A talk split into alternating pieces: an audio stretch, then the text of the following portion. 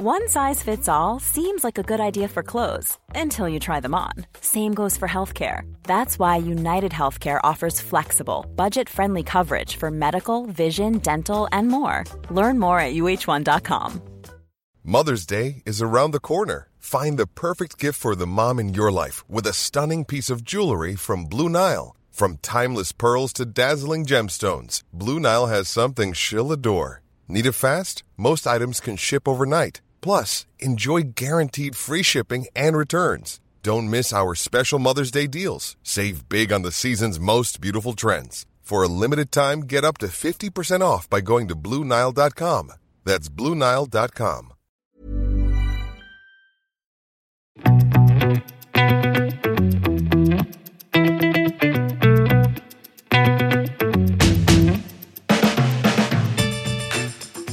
Hei og velkommen til en helt ny episode av Klokkelandslaget. Denne gangen også med gjest.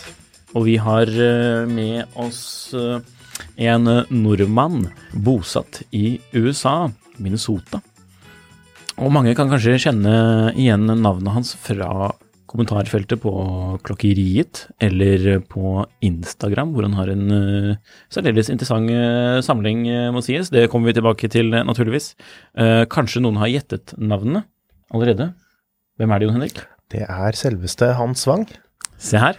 Klokkeriets favorittkommentator, ser jeg du har skrevet det her, Nikolai. Ja, men, jo, sånn, det, men alle vil jo vite ganske... hva Hans Wang syns om uh, og jeg har faktisk fått spørsmål om det selv av, av mine klokkeinteresserte. Noen mm. av mine klokker. Hvem er han der? Hans Wang, egentlig? For de henger på klokkeriet, og så har de mm. fått med seg skriverinnene dine. Så ja.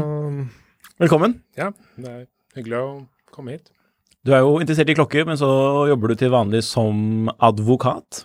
Ja, jeg er utdannet advokat i, i USA, så har jeg jobbet, hatt bevilgning i USA siden 2000. Så Hvordan kom klokkeinteressen inn i bildet for uh, advokaten? Var det før eller etter? Uh... Det var lenge før. Den første ordentlige klokken jeg kjøpte, det, det var en Breitling. Kronomat med 7750 verk inni, og den kostet 1000 dollar. Og så trengte den reparasjon, og det var veldig dyrt å fikse, så det kostet 1000 dollar til å fikse den. og etter det så var den fremdeles verdt 1000 dollar. Ja. Og da bestemte jeg meg for at uh, det vil jeg helst unngå. At det hender en gang til. Så jeg, jeg prøvde å lære om klokker, da, og fortsatt med det. Uh, det var begynnelsen av 90-tallet at jeg kjøpte denne Breitlingen. da. Så de første ti årene, så før jeg fikk bevilgning, begynte å jobbe som advokat, så var det sånn at jeg måtte selge for å kjøpe. Så klokkesamlingen var ikke så veldig stor, og det var veldig mange klokker som jeg har solgt som jeg angrer på at jeg solgte. Mm. Jeg hadde IWC, IWC Deep One, f.eks., som jeg solgte. Mm. Det er jo en klokke som har vært gøy å ha i dag. Jeg hadde IWC Ocean 2000 som jeg solgte. Hadde mye Breitling som jeg solgte. Den Breitlingen som jeg tapte pengene for, Den solgte. ble solgt igjen. Så det, etter hvert så begynte, begynte jeg å bygge opp en liten samling. Så uh, rundt 2010 så slo jeg over fra å samle på moderne klokker til å samle på vintage-klokker. Så de siste ti årene, tolv årene, så har det gått mye vintage og mye independent. Mye småmerker og ting som jeg bare hadde lyst til å ha mellom hendene. da. Så jeg har tatt med litt Jeg tok med litt av disse små merkene òg. Kult. Ja, for du har litt uh, klokker med i dag, og det kommer vi jo nærmere inn på, vil jeg tro. Hvordan er det du kommer over disse finurlige og fiffige og litt obskure klokkene? Ja, hoved uh, En lang stund så satt jeg på eBay hver kveld. Satt med iPaden eller satt med PC-en og satt på eBay og bare fornyet søke hvert femte eller tiende minutt og så på alt som blir lagt ut på eBay. Mm. For du kan sette hvis du, Til vanlig så er det 200 000 klokker på eBay, men hvis du setter uh, uh, pris innen et visst område, og du setter klokker som bare er i USA f.eks., så får du mye mindre. Så da kan du, Det er nesten som å se på en feed da, hvor klokkene kommer på løpende bånd inn. Og det sitter jo folk i USA Hvis du legger ut en Rolex på eBay i USA som er priset for lavt, med 1000 eller 2000 dollar for lavt, så går den i løpet av to minutter med mm. en gang. For da er det sånn kjøp nå? Det er profesjonelle som sitter på der, mm. og de tar stort sett alt. Så å prøve å få Rolex sånn, det er ikke den smarteste tingen, men du kan få andre ting. Så Mm. det, og spesielt vintage. Så Ja, Topptips, faktisk. Men, Ja, men var det kanskje litt bedre på det før? At liksom for noen år siden, at nå har det begynt å bli mer vanskelig å liksom komme lenger og lenger mellom de godbitene sånn på, på eBay? Eller? det kommer veldig an på hva du er på jakt etter. Mm. Eh, jeg har jo sett ting Du ser jo ting komme, og så trykker ikke jeg på buy now fort nok. Mm. Så det, nå er- til et år eller to siden så var det en Tudor, en sånn 7928 Submariner Tudor. Og den gikk jo med. En kar i Salt Lake City som skulle selge den, og den gikk jo direkte. For jeg fikk trukket Jeg trakk, trekket på buy now, og så var den borte med en gang. Så. Men den kostet 3000 dollar eller noe sånt. Det var veldig lavt. Billig. Og jeg har kjøpt Speedmaster sånn. Jeg har fått Noen av de Speedmasterne jeg har, er kommet sånn. Mm. Eh, at noen bare har lagt ut med, med en lav buy now fordi de ikke visste. Men det andre jeg gjør, er å gå til pantelånere lokalt i USA, og det har jeg gjort helt siden jeg bodde i California til å begynne med. Eh, og du blir etter hvert Jeg har brukt 30 år på å gå til panterdonnere, så blir du kjent med systemet deres. Du vet hvordan systemet fungerer, og du vet uh, dette språket folk som driver panterdonnere i USA, bruker. Så du kan spørre dem om hva de har inne på lager. Og etter at du har vært der et par ganger, så kjenner de deg igjen, og da forteller de deg hva de har, og hva som kommer. Mm. Så det er mye i samlingen som har kommet sånn. Og det var jo en stund De første årene jeg bodde i Minnesota, så var det mye, kommet mye vintage Omega av en eller annen grunn, så jeg kjøpte jo Omega Seamaster for 100 dollar kontinuerlig. Eh, så jeg har jo en 12-15 av de. Constellation Så jeg, Omega-delen av samlingen ble bygget opp ved å bare gå. Og hver gang jeg så en hos Pantelaren, så var det bare å kjøpe, for det var så billig. Men for hos pantelåneren så er det sånn at de må sitte på klokken en periode før de får lov å legge den fram i butikken og selge. Det varierer fra by til by i, i USA hvor lenge de må sitte. Det kan være 30 dager, 60 dager eller 90 dager de må sitte på det. Og det kommer også an på om de har kjøpt det, og de eier det, eller om de har gitt lån på det. Så det, måten det går på er at eh, hvis de har gitt lån på det, så må lånet forfalle, og så må den sitte 30 eller 60 dager før det kommer, den kommer ut av pant, som det kalles da. Mm. Og da Men jeg har fått se jeg har fått se klokker som er inne til pant, som de ikke eier. De har vist meg uh, Patek, f.eks. Jeg har sett flere Patek-klokker som var inne, men de hentes stort sett. Så de Ja. Jeg så en, uh, en vintage Daytona som var inne. Uh, og det viser de meg egentlig bare fordi de vet jeg liker klokker. Er ikke fordi at den klokken For sånne ting blir stort sett hentet igjen. Og 90% av ting som havner hos banklåner i USA, blir hentet. Det er et fåtall som kommer ut igjen. Og de tjener mesteparten av pengene sine på rentene på å låne ut penger. Ikke på å kjøpe og selge. Nei. Nei, vi ser jo disse reality, eller delvis reality, og da blir det jo veldig mye fokus på det at de kjøper og, Ja. og selger, men det er mer eh, faktisk lånevirksomheten som er eh, Ja, mer, hoveddelen det er, ikke sant, er 25 av folk i USA har ikke bankkonto, har ikke normal bankkonto. Og de eh, Jeg vet ikke om det er så høyt, men det er et høyt antall folk i USA som har eh, ikke har vanlig bankkonto og må belage seg på andre måter. Driver finansiering, driver lån, får penger til å reparere bilen. Så hvis du ser på pantelåner i USA, så ligger de alltid i nabolag som ikke er Uh, hvor folk har problemer med å klare seg, men ikke hvor de er lutfattige. Det ligger ikke pantelånere på steder hvor det ikke er penger i befolkningen. Mm. Og det ligger heller ikke pantelånere på steder hvor det er mye penger i befolkningen. Det er kanskje én i Beverly Hills som er unntaket, men ellers så ligger de på steder hvor folk av og til trenger penger. Mm. Og det er jo sånn de tjener pengene sine, ved å låne ut. Om de tjener De liker å doble pengene sine på klokker. Så når de kjøper klokker, så spør de eh, De spør ofte meg på tekst, eh, flere av disse som driver pantel disse butikkene, hva jeg syns de burde betale. Og jeg vet jo at de vil doble pengene sine, så jeg sier jo halvparten av det jeg vet de kommer til å selge det for senere. Mm.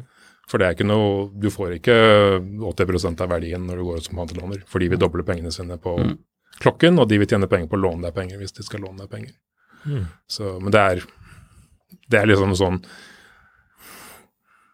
Få komme litt rundt og få se. Jeg er innom pantelånere når jeg er steder, da. Mm. Så vi var i Orlando eh, på den store Star Wars-konvensjonen eh, i 2018. Og da leide jeg en bil og kjørte til Jeg hadde ikke behov for å være på den konvensjonen fire dager på rad. og gå rundt og se de samme, de samme forhandlerne og alt det samme på den konvensjonen. Så partneren min var der i fire dager og gikk rundt i kostyme og alt mulig. Jeg leide bil og kjørte rundt eh, til pantelåner i Orlando. Og, de snakker samme språket. Så, så kan du det språket de bruker internt, så er det bare å spørre. Eh, så, akkurat på samme måten som jeg gjør i Minnesota. Høres jo veldig spennende ut. Det er ikke noe sånn særlig sånn i Det er vel én pantelåner i. Oslo, tror jeg. Ja. Som bokstavelig talt heter pantelåner eller noe sånt. Eh, Ja, Ja. var, ja. Men jeg ser jo på Finn, jeg er jo på Finn jeg også. Jeg, Mm. kjøper jo Jeg har jo folk som kjøper for meg her i Norge, mm. som, eh, fra klokkeriet, som jeg kjenner fra klokkeriet, som jeg kan bare spørre, eller be dem kjøpe, og så kjøper de det. Så Mm. de, en av de klokkene her kommer jo sånn. Den er jo kjøpt fra en klar på klokkeriet, ikke på Finn, men eh, det spiller ingen rolle om det legges ut på klokkeriet eller på Finn. Hvis det er en klokke jeg vil ha, så ber jeg en av de jeg kjenner gjennom klokkeriet å kjøpe den for meg. Mm. Så det sitter noen folk rundt i Norge som har kjøpt en del klokker. Det høres jo ut som at du har en del klokker. Eh, har vi, eh, vil du gå ut med et antall eller anslag, eller er det bare mange? Det er, det er jo langt over 100, da. Men det, Ja. er, det er mye Det kan an på om du Det er mye billige klokker, da. Det er Ja. mye, Du trader liksom litt sånn opp og ned og til siden og de, de fleste har eh, et nivå som de liker å ligge på, og jeg liker å ligge mellom 1000 og 2500 dollar. Så 10 til 25 000. Mm. Det er ikke så veldig interessant å kjøpe klokker som er så veldig mye dyrere enn det. Det skal være litt ikke sant? Du har jo en smertegrense som du bygger opp etter hvert. Mm. Men jeg har gått veldig langt opp. Jeg har kjøpt klokker for langt over 100 000. Men jeg trives best i det litt billigere nabolaget, da. Mm. Og det kommer litt an på hva det er, og hva jeg fokuserer på. mellomsjiktet, kan vi si det? Ja, Kanskje ikke, kanskje ikke egentlig, ikke, fordi det er vel mye brukte klokker det går i, og da er det jo Ja. ofte klokker som Jeg har jo sett litt på Instagrammen din, da er det jo klokker som ofte koster mye mer enn det nye. Ja. Så men man kan finne mye fint i Jeg gikk glipp eh, for eh, en uke siden, så gikk jeg glipp av en eh, Universal Genéve på Finn for eh, 23 000. mm. Da var det en kar på klokkeriet som spurte meg om den klokken, og da sa jeg hvis du ikke vil ha den, så tar jeg den. Mm. Og så sa han ikke fra at han ikke tok den, Oh. og da gikk den jo direkte. Det var Hvilken en, modell var det? Det var en uh, kronograf uh, med datovisning med månefase i gull, hvor det sto en eh, inskripsjon fra Will Wilhelmsen til en kaptein på baklokket. Har du sett den? Hvor rart ikke Nei, men du ringer en bjelle. Og kapteinen hadde reddet skipet under en brann i, i havn i Belgia i 1950 et eller annet. Og den, sånne klokker med den inskripsjonen er ganske interessant. Jeg har en klokke sånn selv. Jeg har en Longines selv i samlingen som er, blir gitt ut av Carnegie, den Heroes Foundation, til Carnegie, til en kar i Spania. Livredder uh, stipendet til eh, Carnegie. Mm. Jeg har en sånn selv. Jeg har en kompis i Tyskland som eier en Tissot, det, som er gitt ut av et svensk firma til en kar som uh, hjalp med å redde en båt i Nordsjøen uh, på 60-tallet. Så han har en sånn livredderklokke også, for uh, julaften 1968 eller Oi. den stilen der. Mm. For uh, mot i Nordsjøen. Fett. Så dette var da den tredje klokken jeg så av denne typen. da. Så Mm. jeg ville gjerne hatt den, men den, den glapp. Så det er ikke alltid. Man treffer ikke alltid. Er det, noen, er det noen spesielle, hva skal jeg si, kriterier eller ting som du blir spesielt tiltrukket uh, til ved klokker? Er det noe liksom du Hva er det som gjør at dette her er en klokke for, uh, for Hans, da? Når du Det kommer an på hva jeg er interessert i. Det går i, i bølger hva interessen er. Mm. Så en lang stund så var jeg veldig interessert i å kjøpe Omega Speedmaster og bygge opp en samling av Omega Speedmaster. Så hver gang det kom en opp, så, så jeg lette etter det ganske greit. da. Men etter hvert så har det dabbet av. Jeg har jo nok av dem nå. Det er Mm. bilde av ni av dem på et av bildene på Instagram. Mm. Så- Review speed det er jo da Instagram-profilen hvis noen vil eh, se og lytte samtidig. Så Men jeg var veldig, veldig fokusert på vintage kronografer, da. I motsetning til klokker med tre visere. Jeg kjøper jo de hvis de er billige nok. Men hvis, uh, men det er stort sett vintage-kronografer og mellom 10 000 og 25 000. Og det skal helst være sånn kolonnehjul, column wheel, ø, urverk i dem. Jeg prøver så langt jeg kan å holde meg unna ting med clutch. da. Så Landeron 248 er ikke så veldig interessant ved disse billigere versjonene. Mm. Men det spiller ikke så mye rolle hva merket er, hvis det er bra urverk inni. Mm. Det er jo en enorm bredde i denne samlingen. da. Jeg bare føler vi må liste opp noe for, um, for lytterne her. Altså, på det ene bildet er det Bremont, og på det andre Movado. Og så på det tredje så er det noe obskurt Selegin, hvordan uttaler man det? Selegin, ja. Ja. Som er eh, hvorfra? Det er en, en, en svenske som bor i Norge som driver det merket, da. Og jeg har med en av de, så dere vil se en av de. Ja, ja, fiffig. Du kan godt eh, legge den fram, for eh, vi må jo anbefale å se på YouTube-kanalen vår også, Klokkelandslaget, eh, hvor man kan se på podcasten. Og nå viser jo Hans fram denne Seleginen. Den, den ser jo litt sånn, den minner jo litt om, er det lov å si det, Sinn? Ja, det er en uh, Selegin Draken som er den første modellen som uh, Selegin ga ut, og den er sinninspirert, uh, vil jeg si. Men den har eh, enkelte trekk som gjør den annerledes. Den har uh, bredere remvidde. Uh, Sinn er 20 mm stort sett, og den er 22, så den har bredere rem. Og sitter litt annerledes enn en Sinn gjør. Mm. Og jeg kjøpte to av dem, så jeg har to av den første versjonen. Og jeg har med en i dag, da, av disse.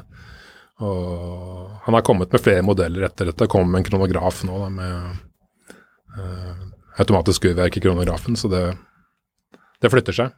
Mm. Er det, er, det, er det et jagerfly på urskiven på denne Seleginen? Ja, det er et jagerfly eh, Draken. over klokken seks. Oh, det er draken, ja. Okay. Et omriss av jagerfly. Mm. Og på de nye så, som kommer, så er det jagerflyet gravert på baklokket. Denne her er åpent baklokk, men det har han ikke på de senere modellene. Har han noe tilknytning, eller har merket noe tilknytning til eh, svenske luftforsvaret, eller er det noe eller Jeg vet ikke om det er noe direkte kobling. Nei? Jeg har med, jeg har med en annen klokke hvor det faktisk Fra et annet merke hvor det er kobling. Mm. Eh, Jeg kan godt vise frem det. Ja, meget gjerne. Så, Altså, mens du finner fram, så er det jo Jeg bare, prøver, jeg bare fortsetter å nevne litt forskjellige merker jeg, på profilen her. Minerva, Ja, eh. Eterna, Elgin, Bragdur, Vondoren, Seigo, Louis Vuitton. Den føler jeg vi må komme tilbake til etterpå. Men ja, da tar vi denne piloten. dette er en klokke fra Bangalore, Bangalore Watch Company, som drives av en eh, mann og kone i uh, India. Og dette er den første modellen de laget, uh, som heter Mach 1. Og den uh, kom i flere versjoner. Denne versjonen jeg har, er den pilotversjonen. Det fins en annen versjon hvor skiven var laget av metall fra et MIG jagerfly. Mm. Og den har jeg prøvd å få tak i, men uh, jeg har snakket med dem om det. om de vet De laget 21 av dem, da. Mm. Og så spurte jeg dem om det er mulig å få tak i en, og de sa nei, fordi at alle de som hadde kjøpt den, er folk, folk som var piloter i de indiske flyvåpnene. Mm. Så de, den i, med den metallskiven kan du stort sett glemme å få tak i. Men uh, den har på baklokket så har den disse jagerflyene. Og de har nå akkurat kommet med en ny versjon av den, som er i samarbeid med dette aerobatics-teamet til uh, det indiske luftforsvaret. Og der er det da direkte kobling mellom, uh, mellom klokken og, uh, og det luftforsvaret i India. Da. Er, er det et merke som er ganske nytt, eller er det Det er ikke så veldig gammelt. Fem ja. år gammelt, kanskje. Ja. Jeg ble kjent med det gjennom Jason Heaton, som hadde en av de første Den andre modellen, da, den, den cricket-modellen deres, hadde han, eller han har den fremdeles, da. Mm. Så jeg så den, og så uh, begynte jeg å se etter den modellen. For jeg, jeg, jeg er for sparsom til å kjøpe den ny. Mm. Så selv om den koster, de koster mindre enn 1000 dollar nye, så de er jo ikke så dyre. Men så kom den opp på eBay for 300 dollar en dag, da, og da det er bare å kjøpe, da. Ja. ja. Og Jason Heaton, det er jo en personlighet fra, kjent fra annet eh, tidligere Hodinki, Ja. og nå eh, forfatter og, og podcast-host. Ja. Du har en T-skjorte I som er for eh, T-skjorten her, ja. TG1. Grey Nato-T-skjorten, ja. Han, Det er det sammen med James Stacey, Ja. er det ikke det? Mm. Jo. Men de er med, de, Jason Heaton er medlem av Red Bar-gruppen i Minnesota, så jeg har møtt ham gjennom den gruppen. Da. Så jeg har sett folk tar med seg klokker de eier. Mm. Så det var sånn jeg ble kjent med det merket, da, at jeg så han hadde, han hadde det med seg. Red Bar det er jo da en slags, eh, hva skal jeg si, en uh, klokkeklubb, kan man kalle det det. Vi har jo hatt Morten Paulsen inne her som gjest tidligere, og han er jo leder jo den norske, norske avdelingen av Red Bar. Ja. Uh, Så sjekk ut den episoden. Og det er også kanskje litt sånn tips for nordmenn, hvis det er noen nordmenn som skulle befinne seg i USA i en litt lengre periode, eller, eh, eller sånn, og prøve å få kontakt med det lokale For det er jo ganske mange avdelinger nå i uh, Ja, San Francisco, Houston, New York. mm, Ja, og flere av de jeg kjenner i Minnesota, har vært på Red Bar-møter andre steder. Ja. Så det er liksom sånn du kommer til New York, så kan du dra på Red Bar-møte der hvis du Mm. er medlem av Red Bar i Og hvis du er medlem av Red Bar i Norge, så kan du møte opp i London eller i New York eller hvor du vil mm, på disse møtene, så lenge du vet hvor du er. Ja. For de holder det ganske, ganske tett hvor møtene holdes. Mm. Og Men det er kanskje litt, blitt litt mer uh, sikkerhet og sånn rundt det. Jeg husker i, i hvert fall i starten, når Red Bar var ganske nytt, så var det mange fra tidssonen som når de var på, til og med på ferie i New York, så var de sammen med Ja. Adam og var på, på Red Bar der. Og én ble jo, flyttet jo også bort der eh, til slutt, etter å ha vært på ferie der, faktisk. Ja. Så det er litt morsomt. Og så har du jo radium. eh, Det og mye independent, eh, som du nevnte. Habring, for eksempel. Det er jo big fan, altså. Det er en sånn Felix Hud... Ja, men du har en helt fantastisk eh, havring som jeg så når du la ut på Jeg tror det var du kjøpte den for Ja, noen år har, siden. jeg har fire havring totalt nå. Det, den, uh... Men du har en havring tourbillon. Ja, jeg har Oh. to av dem er Peace Unique, og en av de to er en Habring tourbillon. Mm. Så det er 7750 urverk med tourbillon bygd inn. Mm. Men uh, jeg tror jeg har nok, hab nok Habring nå. Eh, jeg snakker jo med dem. Jeg Ja. snakker jo med Det er jo såpass lite merke at du blir jo godt kjent. Mm. For jeg har jo spurt dem hvis, hvis du har spørsmål om en klokke, du er interessert i å kjøpe en Habring, så kan du spørre bare eh, Maria Habring, som driver Instagrammen deres, du kan bare spørre henne om klokken, hvis Ja. du er interessert i den klokke du ser. Og jeg kjøpte, kjøpte en Habring lokalt først, i Minnesota. Mm. Uh, det er en Doppel 2,0, som er den første doppelkronografen de laget. De laget inn 20 eksemplarer. Ja. Og min er den brune, og det var seks brune og syv av hver 200 farger. Og så etter hvert så ble det disse to PC-unikene. da. Denne Turbionen ble, kostet jo Den lå på eBay til 18 000 dollar en lang stund, og ingen som kjøpte den. Mm. Så til slutt klarte jeg å få den for 11 000 dollar. Etter litt forhandling frem og tilbake.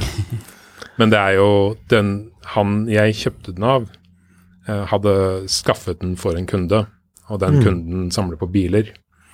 Og de hadde møtt eh, Martin Pulley, som er en av de store Habring-forhandlerne i USA. Det er Ja. to store forhandlere i USA. En annen som legger Jeg faktisk kjøpt den av han. ja. Så uh, kunden ville bestille noe spesielt, da. så bestilte kunden denne, denne spesielle klokken. Så det er Turbion, det er, den har uh, kronograf med denne sentrale kronen. Da. Så du kan starte, stoppe og nulle kronografen gjennom kronen, Mm. som er det andre systemet som øh, Habring er kjent for. Da. Du har jo en Habring eh, Å, ja, ja, ja, ja, ja. I dobbeltkronografen min, ja. Det er Habring som, Eh, som står bak det. Og Habring bygget jo mye av uh, de turbionene for IWC når han jobbet der. Så Mhm. hvis du ser på den, denne stridshesten fra sjøfasen, som den kalles, Destriero Mhm. Probus, Mm. så har den en turbion som er laget av Richard Habring da han jobbet for IWC. Mm. Så Men ja. det, Det morsomme med det er jo liksom at alt der, mye av det er jo basert på 7750, at det er Ja. liksom et ganske basic urverk i bunnen, og så har man jo gjort fantastiske ting da på liksom det. Men Habring er eh, Habring er urmakernes urmaker. Liksom. Det, hvis du vil eh, gjøre inntrykk på urmakeren din, så kan du ta med Habring da. De fleste urmakere syns det er morsomt. I hvert fall de jeg har vist Habringen i minne til. Det er veldig kult. Vi er, vi, jeg, tror vi, jeg tror vi har uh, sagt at vi er store fans av Jeg har jo skrevet en, jeg har jo intervjuet de for Ja. premium, I klokkespesialen. så ligger den ute på ja, ligger ute fortsatt, så den er ligger bare ute på å nett, sjekke ut. Og så- Jeg ser jo noe annet veldig kult på Instagram er her, som, mine på... som vi også er veldig fan av. Vi elsker jo tidlig eh, Roger Dubois. Dubuis. Ja. Dubuis. Ah, pokker. Dubois, Dubois. Dubuis Dubois. Det er som å si jeger eller jeger. Og det også var vel eh, Jeg vet ikke når du kjøpte den, men det er også er jo en klokke som for noen år siden var ganske forholdsvis ja, hva skal jeg si, mer, mye mer tilgjengelig enn det det er nå. For nå Ja. har det jo blitt mer oppmerksomhet uh, rundt det. Og den uh, kronoen du har der, det er vel med Det er med Lemania Ja. verk. Så det er jo liksom basically det samme som sitter i mange av de veldig ettertraktede Patek-klokkene, f.eks. Og mm, Duby kom jo fra Patek. Ja. Eh, finishen er jo eh, kanskje bedre enn en faktisk mye av det som er på en del moderne ja, Er det stygt å si? Nei, jeg bare Er du enig, er du enig Hans? Nei, det, det, ikke sant? eh, Tidlig Roger Dubuy er et eksempel på noen som ikke har noen kostnadsbegrensninger. Ja, ja. Ikke sant? Det er et merke hvor du, du får med de, deployant clasp, du får med vanlig spenne, du får med solid baklokk i gull, og du får med baklokk som har glass i gull. Så du kan velge? Det, du kan velge hvilket baklokk du vil ha på, du kan velge hvilken spenne du vil ha på. Og den, den klokken har jeg satt jeg på veldig, veldig lenge. Uh, jeg kjøpte den uh, i 2002-2003 kanskje, den var fem-seks år gammel. Og jeg byttet en klokke som jeg likte veldig godt for å få den klokken. Mm. Så jeg hadde, hadde en IWC, IWC Mark 12 i gull på gullenke. Og det var en helt utrolig fin klokke. Og den byttet jeg fra meg for å få, sammen med 5000 dollar i kontanter, for å få denne Roger Dubuy-klokken. Så jeg satt med 11 000 dollar i klokken. Og rundt 2010 så prøvde Jason Singer å kjøpe klokken fra meg. For han visste Han samlet på Han var i ferd med å kjøpe inn Dubuis, og han visste at jeg satt på den. Mm. Og han ville gi meg 10 000 dollar. Og jeg ville ha det, absolutt ha de 11 000 jeg hadde i klokken ut. Mm. Så jeg sa til slutt nei, etter at han herpet på 10 000 og ikke ville rikke seg fra 10 000. Jeg ville ikke rikke meg fra 11 000. Så jeg ble sittende med den. Og nå så er jo den verdt 30 000-40 000 dollar ganske greit. Mm. Mm. Den har gått opp. Sammen med veldig mye annet så har den gått veldig mye opp. Mm. Men det er jo sånn denne A Collected Man-siden som De har jo hatt en sånn en som de skulle ha nesten 50 000 dollar for på sidene sine. Mm. Og de har jo hatt en eh, den, Denne Habringen Doppel 2 har de også en av, og den skal de ha 15 000-16 000 dollar for. Mm. Og det er en klokke som jeg ga 2500 dollar for at jeg kjøpte den. Så det er jo de som har dratt opp. Men det er folk som samler og er på jakt etter tidlig Roger Dubuy. Det er folk som er på jakt etter, som jeg kjenner, som er på jakt etter tidlig Frank Müller. Mm. Så disse mindre Frank Müller-kronografene i 38 mm f.eks., med åpent baklokk og bra urverk, Mm. det er folk som er aktivt ute og leter etter de. Ja. Og Roger Dubuy har en serie som ikke så veldig mange vet om, med disse maleriene i enamel på skiven. Med Picasso og alt mulig sånn på skiven. Og det er en klokke som folk også er på jakt etter. Og, men det er ikke sånn du hører så mye om. Nei. Men du ser dem ikke, fordi de kommer ikke til salg. Så når de kommer til salg, så er det folk som tar dem direkte. Mm. Som putter dem inn i samlingene sine. Jeg har vel vært litt inne på det tidligere, at det er noen av disse merkene som ikke er veldig mainstream ennå, som har begynt å få en del seriøse samlere rundt det, som, Ja. ja. som kronografen du har, og, og også Chopard, Parmigiani, eh, ti, og tidlig, da, altså ikke det som er nå, men, men det som har vært før, Ja. hvor kvaliteten er vanvittig bra, og hvor det er litt den samme filosofien, da, at det er lage en klokke for å liksom vise hva vi kan, fremfor det at man skal selge noe som er superkommersielt og tjene masse penger.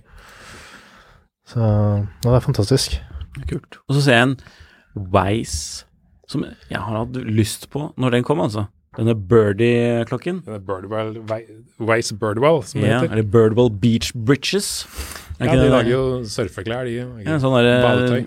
skikkelig shorts. Jeg har faktisk skrevet om det i Finansavisen Premium, de, de badeshortsene, for de er litt kule. Ja. De er det, altså. Men det, det er jo en sånn sinnssykt morsom klokke. Som er, det, er sånn der, det er jo dette surfemerkets sånn karakter som er på skiven, og så peker den på tiden med hendene sine. Da. Med sånn derre eller hang loose og peke på hver finger. Ja, Ja. et eller annet. Det er jo kommet en Undone, Undone, har laget en versjon av den her nå. Er det Som det? kommer nå. Så må- altså, det er så langt mellom de uh, De har laget bare ti av hver, da. Fire farger, laget ti av hver. Mm. Så de, jeg kjøpte den ene jeg har sett på IB, da. Uh, Foreløpig. Og det har jeg holdt på i fem år, da. Så det, jeg har sett én av dem til salgs på fem år. Uh, det er en til uh, uh, som en dealer har i California. Men jeg har e-mailet han og spurt om han vil selge den, men jeg har ikke hørt noe tilbake. Så, men han har en rød en. For jeg kunne godt tenke meg en i hver farge. Da. Men det, Jeg er fresh, altså. det er en veldig fin klokke. Og han har jo flytta fra Los Angeles. Han, han Cameron Weiss, som drev det merket, har flyttet Han har vært i Minnesota to ganger, jeg har møtt ham to ganger mm. med klokkene sine. Og det, vi hadde jo en dealer i eh, Finlayson som ligger i Minnesota, som lå i Minnesota, som eh, solgte Tudor og Weiss. Mm. Så det, da er jo hva- Cameron Weiss har vært innom to ganger. Så nå får vi møte noen i Minnesota. Ja, hvordan går det med det merket nå, egentlig? Det virker som det går bra. Han har flyttet uh, et eller annet sted i Midtvesten. Og klokkene hans de holder seg bra i pris brukt. Så er ikke noe sånn det er ikke noe sånn billigsalg brukt. Han ble jo ganske kjent gjennom den podkasten podcasten han gjorde med Hvilke, Matt eller? Farah. Ja. Men Han, han var jo med på sånn klokkepodkast som Aha. ikke finnes nå lenger. Eller jo, det gjør det faktisk, kanskje, men med noen andre Det hosts. er han som kjører bil. Ja, det er han som har The Smoking Tire. Ja.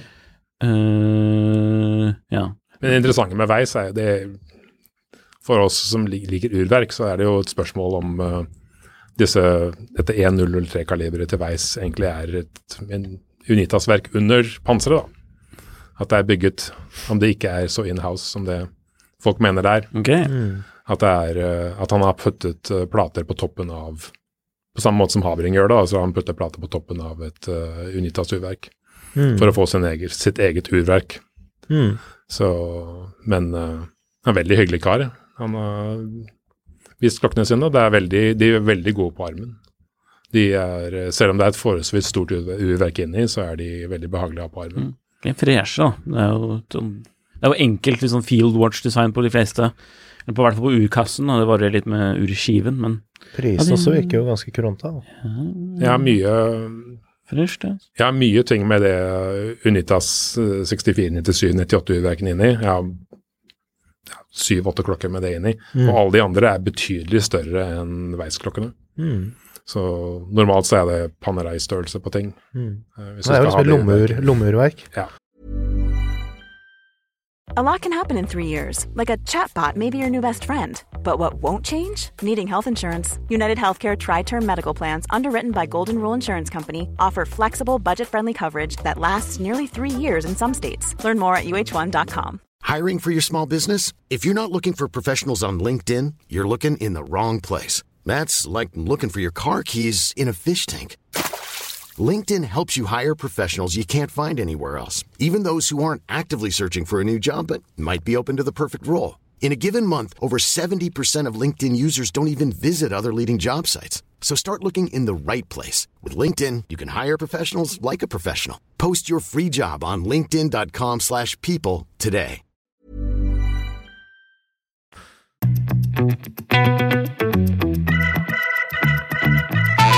Nei, du har veldig mye Jeg syns det er veldig bredde da, i samlingen din og det, de klokkene du kjøper. Jeg ser også det er litt eh, noen eh, forskjellige norske Ja, Selegin var du jo inne på, som jo kan, kan Ja, det er jo mest svensk, kanskje, men Men eh, jeg ser Radium, jeg ser Fondoren, jeg ser Bragdur. Jeg Hva, hadde, hva syns du om de norske eh, merkene, liksom? jeg hadde to, eh, hadde to radium, men jeg ga bort den ene til broren min, så jeg har én radium igjen. Mm. Men eh, det er Når du er norsk, så må du ha norske merker. Ja. Hvis det er tilgjengelig. Mm. Så uh, uh, uh, Man må egentlig Hvis man vil eie en norsk klokke, så må man eie noe av det som er laget. Mm. Det er, det, man kan jo drømme om at vi skal ha dit og vi skal ha datt, men de norske merkene eh, eh, Jeg liker Vondoren Runde-modellen veldig godt. De, føler, de er veldig gode på armen, de er veldig gode å bruke. Mm Eh, det er veldig grei klokke å bruke. Mhm. Uh, Bragdor-klokkene er ganske store, de er ganske tunge på armen. Mm. Men det er mange folk som liker det, da. de liker å ha dem ha sånne store klokker. Ja. Uh, jeg har jo flere Bragdur-modeller også. Uh, radium, du må ha ganske store håndledd med de eldre radiumklokkene, da. ja. Men disse nye er jo betraktelig bedre hvis du har mindre håndledd. Mm. Og det er sånn Jeg liker det. For meg så er eh, som sitter i USA og ser på fra utlandet, så er Bragdur uh, Norges stasjon og Panerai omtrent. Og det er liksom sånn Gutta på skauen, Bergans militærpreg på det, da. Og det er veldig, veldig lette klokker. Og, ja, du tenkte ra radium nå, ikke sant? Radium, ja. ja. -hmm. Så det er, eh, det er interessant å se hva de driver med. Ja. Og det, når du ser på, når jeg ser på klokker, så du vet jo at alle klokker, stort sett unntatt Roger Dubuis, som vi snakket om tidligere, det er basert på kompromisser. Mm. Så det er et kompromiss på hvor mye du vil bruke på kassen, hvor mye du vil bruke på urverket, hvor dyr er skiven. Ikke sant? Alle disse tingene. Mm. Og så skal du ha, hvis du skal selge gjennom forhandlere, som Mondor gjør f.eks., så må forhandlerne få sin del. Mm. Om de skal ha 40% på toppen av det du selger klokkene for. Så du må bygge inn det, og du må tjene penger selv. Så det, den prisen klokken har for, for forhandleren, det koster deg kanskje 30 å lage den. Ja. Og da har du et veldig strengt budsjett. Og da, så når du ser på en klokke, det er veldig lett å se på en klokke og, se, og si dette burde vært bedre, dette burde vært bedre. Mm. Men uh, det tingen er jo at det koster penger. Mm. Så hvis du er et lite merke, og du vil ha Så er det vanskelig å selge klokker for 20 000 kroner, 25 000 kroner. Så du må legge deg på et prisnivå, og da hvis du da kalkulerer bakover, så blir de tingene du kan putte inni der også ganske billige. Mm.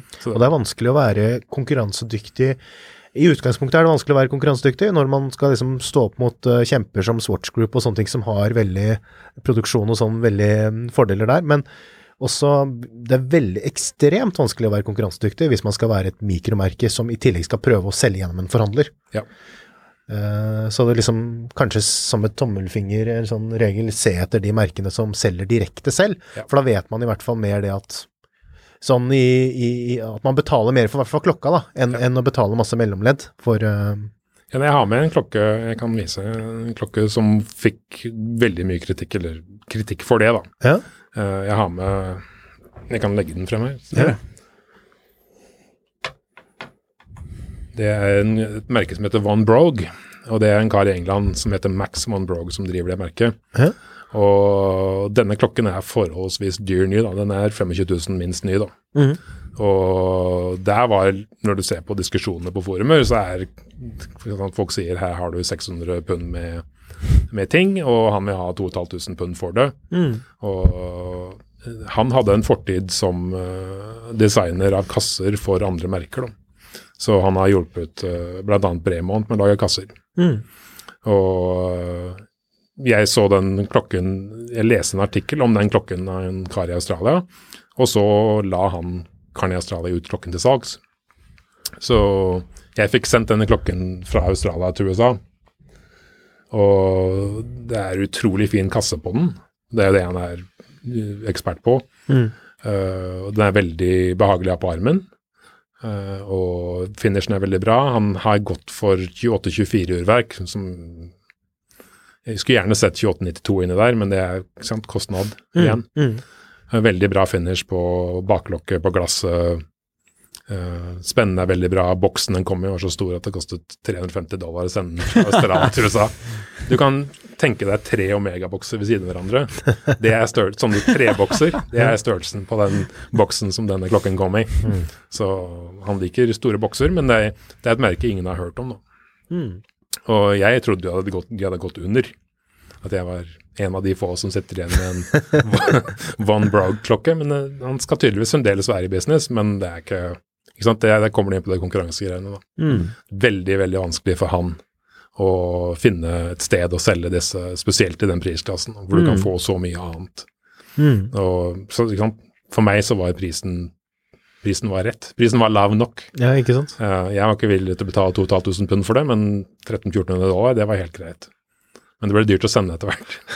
For jeg ble enig om å splitte forsendelsen med han som skulle sende den fra Australia. Så det ble dyrt. Det ble litt påslag for forsendelsen, men er, jeg syns det er en veldig fin klokke. Mm. Så den eh, Den sitter i samlingen. Du er ikke noe redd for å kjøpe litt, hva skal jeg si, litt eh, Ja, fra litt små merker, nye merker, du Ja, som du sier, du, du lurte på om de fortsatt var i business. Det er liksom Ja, det, liksom, det har igjen med kostnadsnivået å gjøre, da. Mm. Hadde det vært øh, 30 40 50 000 kroner, så Ja. vil jeg gjerne at de vil fremdeles være i business. ikke sant? Men uh, du uh, Det kommer veldig an på Det kommer an på hva det er, hvilket merke det er. Jeg, jeg har jo Rolex sant? som alle andre. Ro Mm. Rolex er en stasjon man må innom mm. på veien. Mm. Det er noen som blir noen som blir på Rolex, og noen som tar toget videre. Og jeg tok toget videre. Mm. Men jeg hadde mye Rolex uh, tidlig i samlingen, har en del Rolex nå i samlingen. Mm. Uh, og det er Men jeg liker ting, uh, at ting skal være litt annerledes. Da jeg har veldig, veldig bred interesse sånn sett. Jeg kan, så, så lenge prisen er ok og jeg liker designen, så er det, er det helt greit. Det er ikke nødvendigvis uh, merkenavnet det går på lenger. Nei. Men når man først starter, så er det Man jobber seg opp. Med mindre man har flust med penger, så jobber man seg opp uh, gjennom Bauman Mercy, Longines, oppover mot Breitling, Omega, Rolex, og så opp til Patek eller et eller annet dyrt. Cartier eller hva man vil når man kommer høyere opp i prisklasse. Du har til og med Chanel. Jeg har en Chanel-klokke, men det, den er, det er jo en morsom historie. da. Den kjøpte jeg fra en pantelåner fordi de slapp den i gulvet. Det er jo en klokke ikke Ja, men hvordan gikk det? For det er keramisk eh, Nettopp, det gikk ikke. Nei. Så Det er en keramisk eh, Chanel eh, J12, og de, når den går i gulvet, så er det jo laget av glass. Så da, da gikk jo bezels og dioma, og ledd gikk, og så da fikk jeg den billig. Og det jeg ikke visste, eh, som var bare flaks, da, er at eh, service på Chanel er veldig eh, billig. Relativt i forhold til andre ting, Ja. så er service på Chanel. For jeg tok den med til urmakeren min Mm. i USA, og vi tok den fra hverandre. Eller han tok den fra hverandre mens jeg så på. Ja. Det er stort sett det det går på. Og så, så Det var jo brukket skruer. Den er jo satt sammen på samme måten som en Dolmay Piquet. Der går skruer tvers igjennom. Og skruene hadde brukket, og det var jo stort sett totalvrak. Men den kostet ikke 1000 dollar engang. Så det var, prisen var god. Men de hadde sluppet den i gulvet og ødelagt den, da. Så det skulle bare mangle. Så sendte jeg den til Chanel. Jeg ga den til en kompis av meg som bor i California. For du må innom en Chanel-dealer, da. Og det er ikke noen Chanel-dealer i Minnesota. så jeg ga den til en kompis av meg, tok den med til Chanel i Beverly Hills og leverte den inn. Og seks-åtte uker senere så kom regninga. Det var 650 dollar for å fikse alt. Og det var service på urverket, ny bezel, nye ledd. Og nå har den jo nok ledd til at jeg kan ha den på armen. Så jeg har tatt bilder av den av jeg med den på armen. Så det er sånn du, eh, Hver gang de slipper noe i gulvet hos pantelåneren, så får jeg god tid. de slapp en uh, Tudor Lady Sub i gulvet, og den Tudoren er det jo sånn Det er ikke safirglass på den, det er sånn uh, mineralglass, og det gikk jo direkte, så der var det jo mineralglassdeler inn i hele urverket. De sprutet jo mineralglassdeler. Så den fikk jeg også veldig billig, da. Så jeg, men jeg fikk jo urmakeren min til å sette på safirglass på den. For på disse Tudor De har jo samme kassestørrelse som en god del Rolex. Så jeg satte på safirglass. Jeg oppgraderte fra mineralglass til safirglass på den. Men det var øh, ikke sant? Det er sånn Når de, de viser meg en ødelagt klokke, og så sier de hvor mye du gir for den. Det er ikke mer ikke sant? Da er det bare å si en pris og se om de tar det eller ikke. Ja. Så det er sånn jeg endte med den. Det var sånn den Louis Vuitton-klokken, den som ligger på siden også, den uh, hadde stoppet. Den gikk ikke i det hele tatt. Den var jo Ikke sant. De fikk den ikke til å gå. Så da Og den har dette Jeg er veldig skeptisk til å kjøpe den egentlig, da. For den har dette urverket som sitter i Speedmaster Reduced, som jeg Oh, ja. ikke er noen særlig stor fan av. For det jeg har hatt tidlig på 90-tallet, eller midt på 90-tallet, så hadde jeg en Tag Hoier med det urverket inni som gikk, og da måtte hele urverket byttes. Fordi den modulen som sitter på toppen av dette urverket kan ikke gjøre service på. Så hvis modulen går, så får du store problemer. Og dette var det med denne Louis Vuitton-klokken, så jeg bød enda lavere enn jeg normalt hadde gjort, fordi jeg visste det var det urverket inni som jeg ikke likte. Så sa de til slutt ja, og så sendte jeg den så vi har, Louis Vuitton-butikk har vi faktisk i Minnesota. Så jeg var nede hos Louis Vuitton i Edina i Minnesota og leverte klokken inn. Og det, det som er så interessant med Louis Vuitton, er at uh, servicesenteret deres er jo samme servicesenteret som Tag Hoier har i USA. Så sitter folk ved siden av hverandre. Én jobber på Tag Hoier, én jobber på Louis Vuitton. Men Louis Vuitton de selger ikke klokkene hos vanlige forhandlere, de selger det bare hos disse veskeforretningene sine. Og da får du en situasjon hvor de som skal selge klokkene, ikke vet noe særlig om dem. Og, så jeg leverte inn klokken og skulle sende den på service. Og så, eh, så gikk det Så de skulle Dette var under covid, da. Og de skulle eh, gi meg oppdateringer, og de hadde fått telefonnummeret mitt og skulle Og så kom det plutselig en beskjed om at klokken var kommet tilbake fra service. Jeg hadde ikke hørt noe, hadde ikke blitt spurt om hvor mye det kostet. De hadde ikke, de hadde ikke spurt meg om noen ting, da. Og så gikk jeg ned dit, da, og så så jeg på klokken, og så spurte jeg hvor mye de hvor mye er servicen? Og så sa de nei, at servicen er gratis, fordi vi ikke ga deg et quote på hvor mye servicen skulle koste. Så så jeg på klokken igjen, og så sa jeg hvis, hvis det er gratis, så kan dere bytte glasset og justere viseren også, da. Fordi de hadde ikke byttet glasset på den. Og det var jo skraper i AR-coatingen på glasset. Ja. Og det hadde jo jeg forventa at de skulle gjøre under en normal service. da, Hvis de hadde kommet tilbake med et quote og sagt at dette vil vi gjøre, så hadde jeg sagt skift samtidig. samtidig. For jeg, det var så mye riper i dette glasset. Og så hadde de ikke stilt viserne skikkelig. Så sa jeg det, det nullet ikke som den skulle. Så det, det holder at det er litt grann av, så jeg er litt pirkete på det. Og så sa jeg kan dere ikke sende den tilbake da, og få fikset disse tingene her? Så sendte de den tilbake igjen, og så gikk det fire-fem uker til, og så kom den tilbake igjen. Og da hadde de byttet glasset og justert viserne, og de skulle fremdeles ikke ha noe mer penger. Men de hadde mistet den boksen den kom med første gang. da. Så første gang så kom den med en veldig fin Louis Vuitton-boks, som de hadde klart å miste den andre gangen. da, så jeg fikk ikke den. Jeg fikk ikke den fine boksen, jeg fikk en mindre sånn serviceboks. For det første gang jeg kom tilbake, så hadde jeg fått en skikkelig fin sånn full Louis Vuitton-boks. Så jeg har ikke den boksen jeg hadde. Jeg savner den boksen litt, men det sant, da sitter jeg fremdeles med de 1000 dollarene jeg betalte for den klokken i den klokken. Og i tillegg så er den klokken uh, en versjon med diamanter på, og de diamantene Jeg fant bare én annen sånn klokke av den typen. Den vanlige kronografversjonen uten diamanter kan du finne overalt. Det er lett å finne. Men den versjonen med diamantene, den finner du ikke noe sted. Det er én auksjon for fem-seks år siden av en av de. Men uh, den glamour-versjonen, som den kalles liksom, er, når den har diamanter på, så heter det glamour på toppen av okay, okay, okay. ok. tambour. Ja, de er morsomme, de der, altså. De Det er morsom klokke. Jeg kjøpte, jeg kjøpte en ny strap til den. da. Brukt, den måtte du betale for. den kostet, men jeg har brukt på eBay, så var den Ja, fremdeles 300 dollar. da. Mm.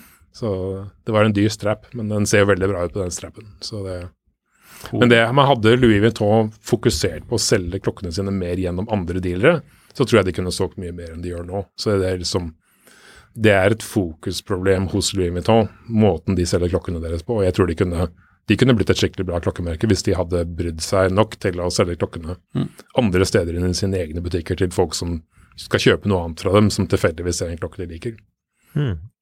Så det er interessant at Chanel og Louis Vuitton, begge de to klokkene eier jeg fordi at eh, pri, prisen var riktig. Ja. Og det var, ikke sant, jeg får en morsom historie å fortelle om dem.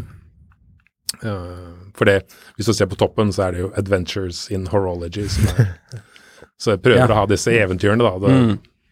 ikke sant? Ta litt sjanse, ta litt risikoer. Det er kult, det. men jeg, jeg kommer jo fra eh, Jeg har holdt på siden 89, så på 90-tallet så var det jo helt ville tilstander på nettet med, med TimeZone og Watchnet, som var disse to Jon Henrik nekker og jeg der borte. Som var disse to stedene folk kjøpte klokker på i gamle dager. Og da sendte du 10 20 15 tusen, folk bare sendte pengene av gårde. Og du håpet at en klokke kom den andre veien. Og det, ikke sant, det er jo helt Texas. Og sånn var det veldig lenge i, i USA, da jeg bodde i USA og kjøpte solgte klokker. At du finner en klokke på TimeZone eller Watchnet som du ville kjøpe, og så før eBay, da. Jeg har vært på eBay siden 97 ja. Så, og kjøpt og solgt klokker på eBay. Men har du brent deg noen gang? Har, det, har du blitt svindlet? Jeg har ikke brent meg skikkelig. Nei, Eh, Det hender jo av og til at ting ikke er i den standen som Det hender at ting ikke er sånn Det stemmer ikke, da. Mm. Det, hendte, det hendte for et par år siden. Jeg kjøpte en Sin EZM1 fra en kar på eBay, mm. uh, som en annen samler her i Norge har nå. Mm. Og der fulgte det med feil lenke. Nei. Og det hadde ikke Lenken satt ikke på klokken på bildene. Mm. Lenken lå ved siden av. Så jeg var ikke klar over det før klokken kom. Og da IB har jo dette autentiseringssystemet deres, hvor de, de sender klokken et sted for å bli sett på. Og de syntes den klokken var helt ok, men den hadde jo feil lenke. Så jeg klaget til selgeren om at uh, det var feil lenke. da. Jeg ville ha reduksjon i prisen for å kompensere for at det var feil lenke på den. da. Mm. Men det nekta han plent, da. Men da, der var jo dealen så god at øh, prisen var så lav at det spilte ikke så mye. Men det var en sinnlenke? det var en sinnlenke, men det var til en annen modell. Ja, spesielt. Den var til en av disse Tonneau-kassene til uh, Sinn som har flate Mm. ledd. Uh, jeg så ikke endlingsene. Nei. og det gjorde at jeg trodde det stemte, og det stemte ikke, for det var feil endlings. Mm. Uh, så Men ikke sant, sånn, sånn skjer. Men uh, jeg har vært i nærheten. Det nærmeste jeg noen gang har vært å brenne meg, det var i 2016. Jeg eh, sendte 10 000 dollar til en kar i Chile. og det Da ble det dramatikk, altså. Da, jeg, det hadde kommet en klokke Jeg hadde vært på jakt etter en Longines, vintage Longines kronograf veldig lenge. da. Og jeg hadde visst at han karen hadde den. da. Så jeg sendte, hadde sendt ham e-mail en gang eller to i året gjennom fem år da, og spurte om han ville selge den klokken. Og til slutt så sa han at han ville selge den. da. Så jeg sendte han 10 000 dollar og forventet at klokken kom tilbake den andre veien, og det gjorde den ikke. Og det tok tid, og det tok tid, og det tok tid. Uh, så fikk jeg en kompis som heter Nick Abarro, som bor i Minnesota, som lager straps for Hodinki og Analog Shift og alle disse store merkene, som er fra Spania opprinnelig, til å ringe han på telefonen, han karen. Og den samtalen gikk ikke så veldig bra. Og da vi la på, så sa Nick at uh, han karen her kommer ikke til å sende klokken. Eh, så jeg gikk gjennom en sånn oversetterside jeg medlem på nettet og prøvde å finne en norsk oversetter som bor i Santiago i Chile. Og fant en dame som bodde i Chile, som jobber som oversetter, som er norsk. Så spurte jeg henne om hun kjenner noen advokater. Og det sa hun, hun kjente advokater. Så fikk jeg snakke med en av de advokatene. eh, Og i Chile så kan du anlegge privat straffesak. Og hvis det er bevis, tilstrekkelig bevis, så må påtalemyndighetene ta det. Og det gjør jo at det kan omtrent brukes som et våpen hvis man har mye penger. Så det var jo det denne advokaten kjørte på med, da. Så 1500 dollar senere så møtte han karen opp på kontoret til advokaten min med advokaten sin, og skrev under på et stort papir og leverte klokken eh, over. Så, men det var jo to-tre uker mellom da jeg sendte pengene og da han til slutt ga over klokken. Mm.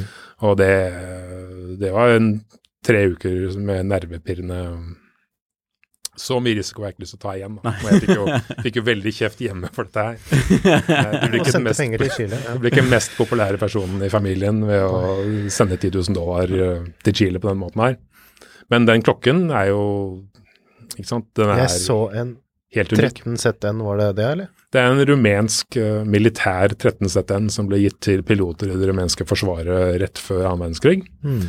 Av denne modellen så er det laget 75, og uh, av de 75 så finnes det seks eller syv som folk vet om i dag, og av de seks eller syv så er min den eneste med originalskive. Og det, den er i boken til uh, Goldberger som, om Longines som kom ut, så jeg har bilder på Instagram av den klokken oppå klokken i boken. så jeg sendte, jeg sendte klokken til Longines i Sveits, Mm. til uh, en dame som heter Jennifer Bushud, som jobber for Longines i Centimi i Sveits. Mm. Og Goldberger, eller Euro Montanari som han egentlig heter, da. Han, folk kaller han John Goldberger, men det er ikke det han egentlig heter. Eh, han kom til Longines for å ta bilder av klokken. Så han har med seg sånn setup som han bruker til alle disse fine bildene han tar, med, hvor han har en liten sånn greie som man kan putte klokken i for å få bildene. hvor han henger klokken. Lightbox. Ja, et eller annet som han Ja. bruker som han har med seg på tur. Så det var sånn den endte opp. Men den gikk jo gjennom gjennom Longines. Og den ble jo det måtte, Jeg leverte den jo til en Longines-dealer i Minnesota, som sendte den til Longines i Sveits. Mm. Så de klarte å miste boksen igjen. Bokshistoriene. Jeg, jeg sendte den i en jegerboks som jeg hadde liggende. Mm. Jeg hadde en uh, Jeger eller Coulter-boks, en sånn flat blå boks. Så jeg sendte den i den, og så kom den tilbake i en sånn Longines service, sånn serviceboks med grillås. Så spurte jeg hvor i verden ble det av den jegerboksen som jeg ga dere, da. Så viste det seg at den lå i Connecticut da, hos den amerikanske distribusjonssenteret, så jeg fikk den tilbake til slutt. Men uh, de, når, det først, når klokken din kommer inn i det systemet deres, så behandles det som, en, eh, som kyr på vei til slaktingen. Og det er De behandler det ganske røft. Det er eh, bare et produkt som er på vei tilbake til service eller tilbake til kunden. Da. Så det uh, Hadde jeg skulle gjort det igjen, så hadde jeg sendt den direkte til, uh, til dem. Eller så hadde jeg latt eh, Eric Wind spurte meg om jeg ville gi ham klokken, for han skulle til, uh, til Basel det Mm. året. Mm. Så han tilbød seg å ta med klokken til Basel og gi den, bare gi den til Goldberg, la Goldberg ta bilde der. Så jeg skulle kanskje gjort det istedenfor å ta risikoen på å sende den gjennom systemet til Longines. For det er jo en klokke som er verdt en del penger nå, vil Ja. jeg vel anta. Den Prisene på det også har vel gått ganske mye opp de siste årene, tror jeg. Sånn, eh, jeg så dem ja, Selvfølgelig ikke med den militærhistorien, da, men den standard, med standard på Finn for noen år siden. Ja, det stemmer. det. det stemmer. det stemmer. Også da var jo prisen, hva skal jeg si, mye for å være noe litt sånn, fortsatt da på den tiden, litt sånn kanskje litt obskurt utenfor yep. de som er veldig vintage-orienterte, da. Ja. Mens nå er det jo, føler jeg det er kanskje litt mer en sånn ting som folk har litt mer kjennskap til. Men det er sånne klokker som alltid har vært i auksjonskatalogene hos Ja, ja. de litt raffere Men ikke til de prisene som er nå, kanskje. Nei. Men det er jo, det, det finnes jo en norsk, eh, denne 5415 Langin, det er jo en norsk historie om denne, denne spesielle Langin-modellen som det finnes mye av her i Norge. Mm. Uh, For det Hausamann som importerte Langin til Norge, da han døde, så fant de en boks med klokker. Så alle de gode forhandlerne i Norge, de fikk én Langin, kronograf, Mm. og de fikk en uh, Grana, som egentlig er Tissot, da. De fikk en Grana Kurt Fairs. De fikk Certina. de fikk disse eh, Certina, beklager, det stemmer det. De fikk disse forhandlerne fikk disse to klokkene, begge New Old Stock. Så jeg kjøpte et, et av disse, disse settene. Jeg har én klokke selv, og så kjøpte jeg et av disse settene. Mm. Og det settet hadde gravering på baklokket fra 1984. På begge klokkene, både på den uh, Sertina eller Kurt Freres-klokken og på Longines-klokken. Så det var samme gravering på bak på begge, så du vet at de kom sammen. Og han jeg, han jeg, jeg kjøpte den av, var, det settet av, var sønnen til eh, en av disse forhandlerne. Så det, rundt i Norge så ligger det sannsynligvis Og jeg kjenner jo en, en annen norsk samler, eh, Dag Brånås, har i hvert fall én, kanskje mer enn én av dem. Mm. Og han er også stor samler av Longines, og han liker Longines veldig godt, selv om han selger mye Omega, stort sett. Mm. Han forhandler mye Omega på Finn, har gjort det i mange, mange mange år, og han driver jo denne NURK, klokkeforeningen. Mm. Men uh, han har jeg møtt flere ganger, og han er veldig hyggelig, og grei ham å gjøre. Og... Men han og jeg liker begge Longines, og vi liker begge denne, denne 5415-modellen, som er denne norske den norske Longines-grafen som ble gitt ut, i, som hadde ligget på lageret veldig lenge, da, ble gitt ut da Hausemann døde. Mm. Så, så det er en morsom norsk historie om Longines. Vi har jo hatt Roger Sveian fra Nurk innom, så vi må jo hinte om den episoden også. Gå tilbake og lytte, for de som ikke har gjort det. Mm. Skal vi ta en liten Du hadde jo en liten wrist-check, eller? Fordi vi så jo at du hadde på en stor, kul eh, G-sjokk Ja. når du entret uh, Hegnar Media her.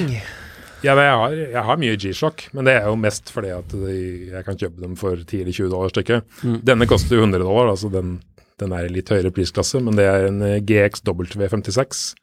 Uh, uh, den føles omtrent som en Panerai på armen. Den er på størrelse med en Panerai, da den ser ut som en leketøy når man ser den. da. Mm. Men det, det, det skulle liksom være konkurrenten til Casio, til disse store Det var en periode hvor klokker ble veldig store, da, hvor Rolexen ble store, uh, og Breitling la, ga ut veldig mye stort. Da. Jeg har jo gått med Super Avenger flere ganger.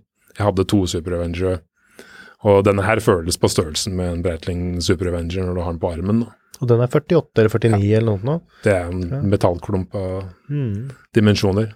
Den veier jo en kvart kilo. Så, men denne her er veldig, veldig behagelig å bruke. mm. Jeg er stor fan av både Citizen og, og Casio. Mm. Jeg har mye av begge to. Og jeg liker ting som stiller seg selv. Jeg liker ting som uh, lades opp av sollys eller uh, en eller annen måte. Med rotor, kanskje. Mm.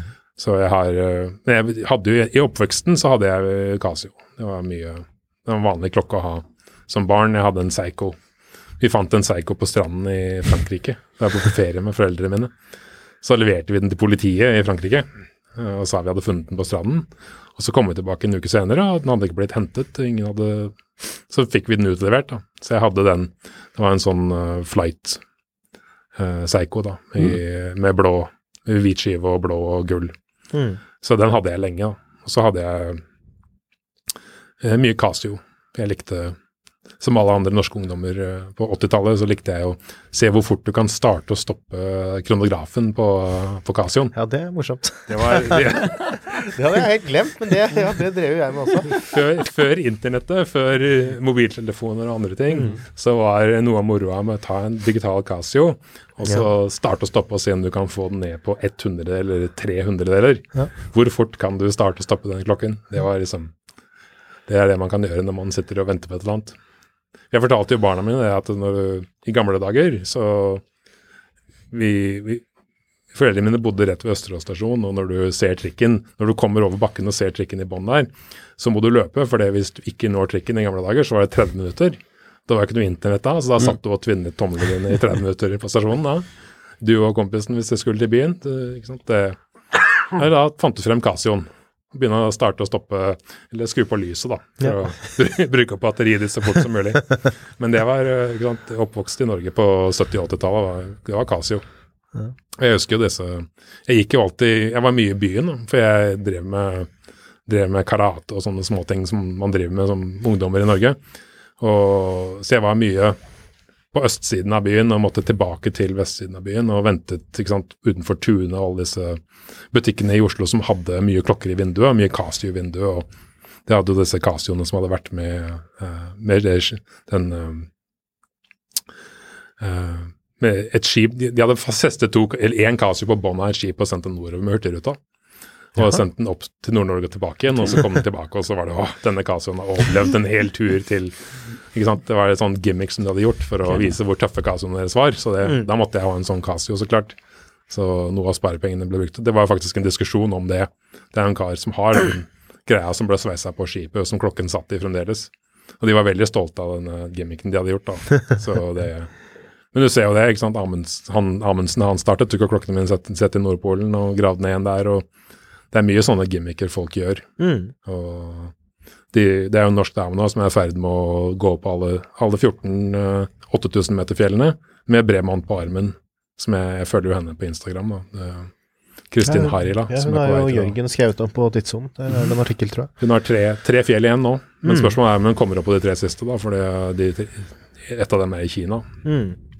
eller Tibet, og det spørs om hun kommer opp, da, for det han andre som gjorde det først, eh, på et år, han eh, fikk jo tillatelse veldig sent til å komme opp. Jeg husker det var veldig Jeg fulgte han også, men han har jo gitt seg med Bremont. Han har jo flyktet over til Mont Blanc. Så han har Nå har Bremont skaffet seg en ny, en ny hest som skal opp enda fortere, så vi får se hvordan det går. Mm. Men jeg, jeg, har jo mye Bremont. Du kan se det på, på, på Instagram, da, at jeg har veldig mye Bremont-klokker. Det er blitt Det er et merke jeg har holdt på med i ti år, kanskje. Har du noe hva skal jeg si, har du noe favorittmerke, eller er det så mye forskjellig at du ikke vil si at du har det? Det Nei, jeg tror, jeg tror Longines På vintersiden så er Longines favorittmerke. Mm. Uh, fordi de var så langt frempå. Det 13CTN-verket spesielt er et verk som var veldig forut for sin tid Mm. da det kom på 30-tallet. Og teknisk sett så er det helt utrolig bra. Uh, og den 30 CH som kom etter det, som er den andre versjonen av disse Longines kronografurverkene som folk samler på, de var også veldig bra en stund. Og så, så kom det ut sant? på 70-tallet, Mm. som med mange andre ting, så begynte ting å forfalle, og kvartskrisen kom, og ting var ikke så bra lenger. Nei. Så det, det stopper stort sett. Samlingen min av Longines stopper på 70-tallet. Ja. Det er ikke så mye inn på 70-tallet. og Du ser jo Men jeg snakker jo med Det som er så bra med Longines, det er jo det at øh, du kan bare sende dem et serienummer, Mm. og så gir de deg informasjon gratis. Det koster ingenting, og du får det innen 48 timer. Så hvis du sender dem uh, informasjon om klokken din, som du kan få av hvilken som helst urmaker hvis du bare tar med klokken din, så får du gratis informasjon tilbake fra dem. Mm. Og det er det ingen andre som driver med. Og det, De er veldig greie, altså. De er helt um, Longin er helt unike på det med å ha orden i sysakene når det gjelder gamle ting. Har du vært eh, på museet der? Nei. Nei? Jeg har ikke vært hos Longines. Jeg har vært er- der et par ganger, og det er er veldig Det er veldig um, Veldig mye klokker. De har veldig De begynte tidlig, tror jeg, å liksom satse på det og ha- ha styr på egen historie. Ja. Og det ser man jo også da med de relanseringene og de nye modellene som de nå lanserer med jevne mellomrom. At det er de finner De graver i arkivet, og så finner de noe flott, og så og så kjører de det ut på nytt. Ja. men, eh, men det der i altså, kartoteker med masse informasjon hvor man kan finne, som du sier, og, og så er de også bruker ressurser på det, da. Ja. Jeg tror det er litt sånn yrkesstolthet i det, at de har museet, og de har informasjonen, og så skal de være gode på det. Mm. Så det er det det er, en- eneste de ikke har eh, Eneste informasjon de ikke har vært villige til å gi, det er eh, Jeg spurte dem om disse norske eh, kronografene, Mm. disse som ble gitt ut. Mm. Jeg spurte dem om de kunne se i arkivet sitt og se hvor mange det var. Ja. Hvor mange hadde Høy som han fått. Mm. Og det, det var det ikke villig til å se etter. Så da må jeg sannsynligvis ned dit selv og åpne boken og se. For det, det kan du se. Han, han som har eh, Han som vet mest om disse rumenske kronografene, han har dokumenter fra eh, både fra Langskins side og fra det rumenske militærets side. Ja. En kar som heter Dan Katalin Buzdugan, som bor i Romania. Og der kan du se i Longines bøker hvordan de hver av disse forsendelsene Det var 215 klokker totalt, to forskjellige modeller. Da kan du se disse 75 komme fra Longines. Du kan se de i Langins bøker når de ble laget, og du kan se dem eh, hos det militære når de ble levert.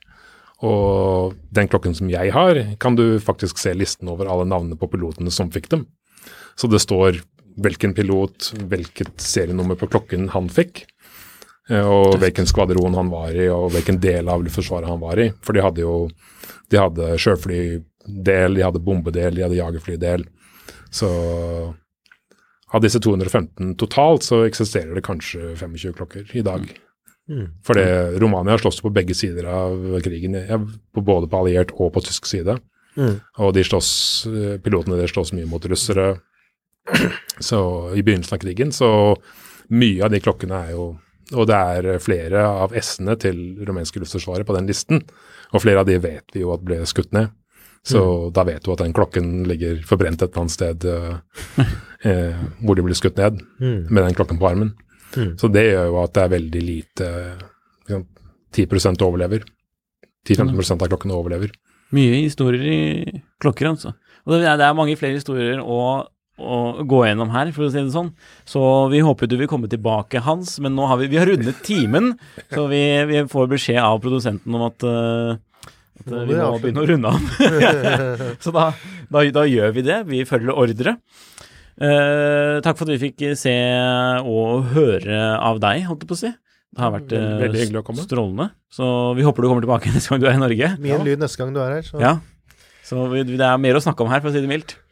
Ja. er tipp topp. Har, du- har du noe du vil tipse om eller eh, promotere mens du er her, holdt jeg på å si? Vil du Følg deg på Instagram? Nei, det er til, jeg er ikke så aktiv på Instagram. For det, stort sett på Instagram så legger jeg ut det jeg kjøper. Ja. Så hvis jeg ikke kjøper noe, så er jeg ikke så veldig aktiv. Okay. Så det siste året har jeg ikke kjøpt så veldig mye, så da ligger det ikke så mye på Instagram heller. Men det er bra at kartotek og bibliotek for, eksempel, for folk å gå gjennom og se og titte og bla.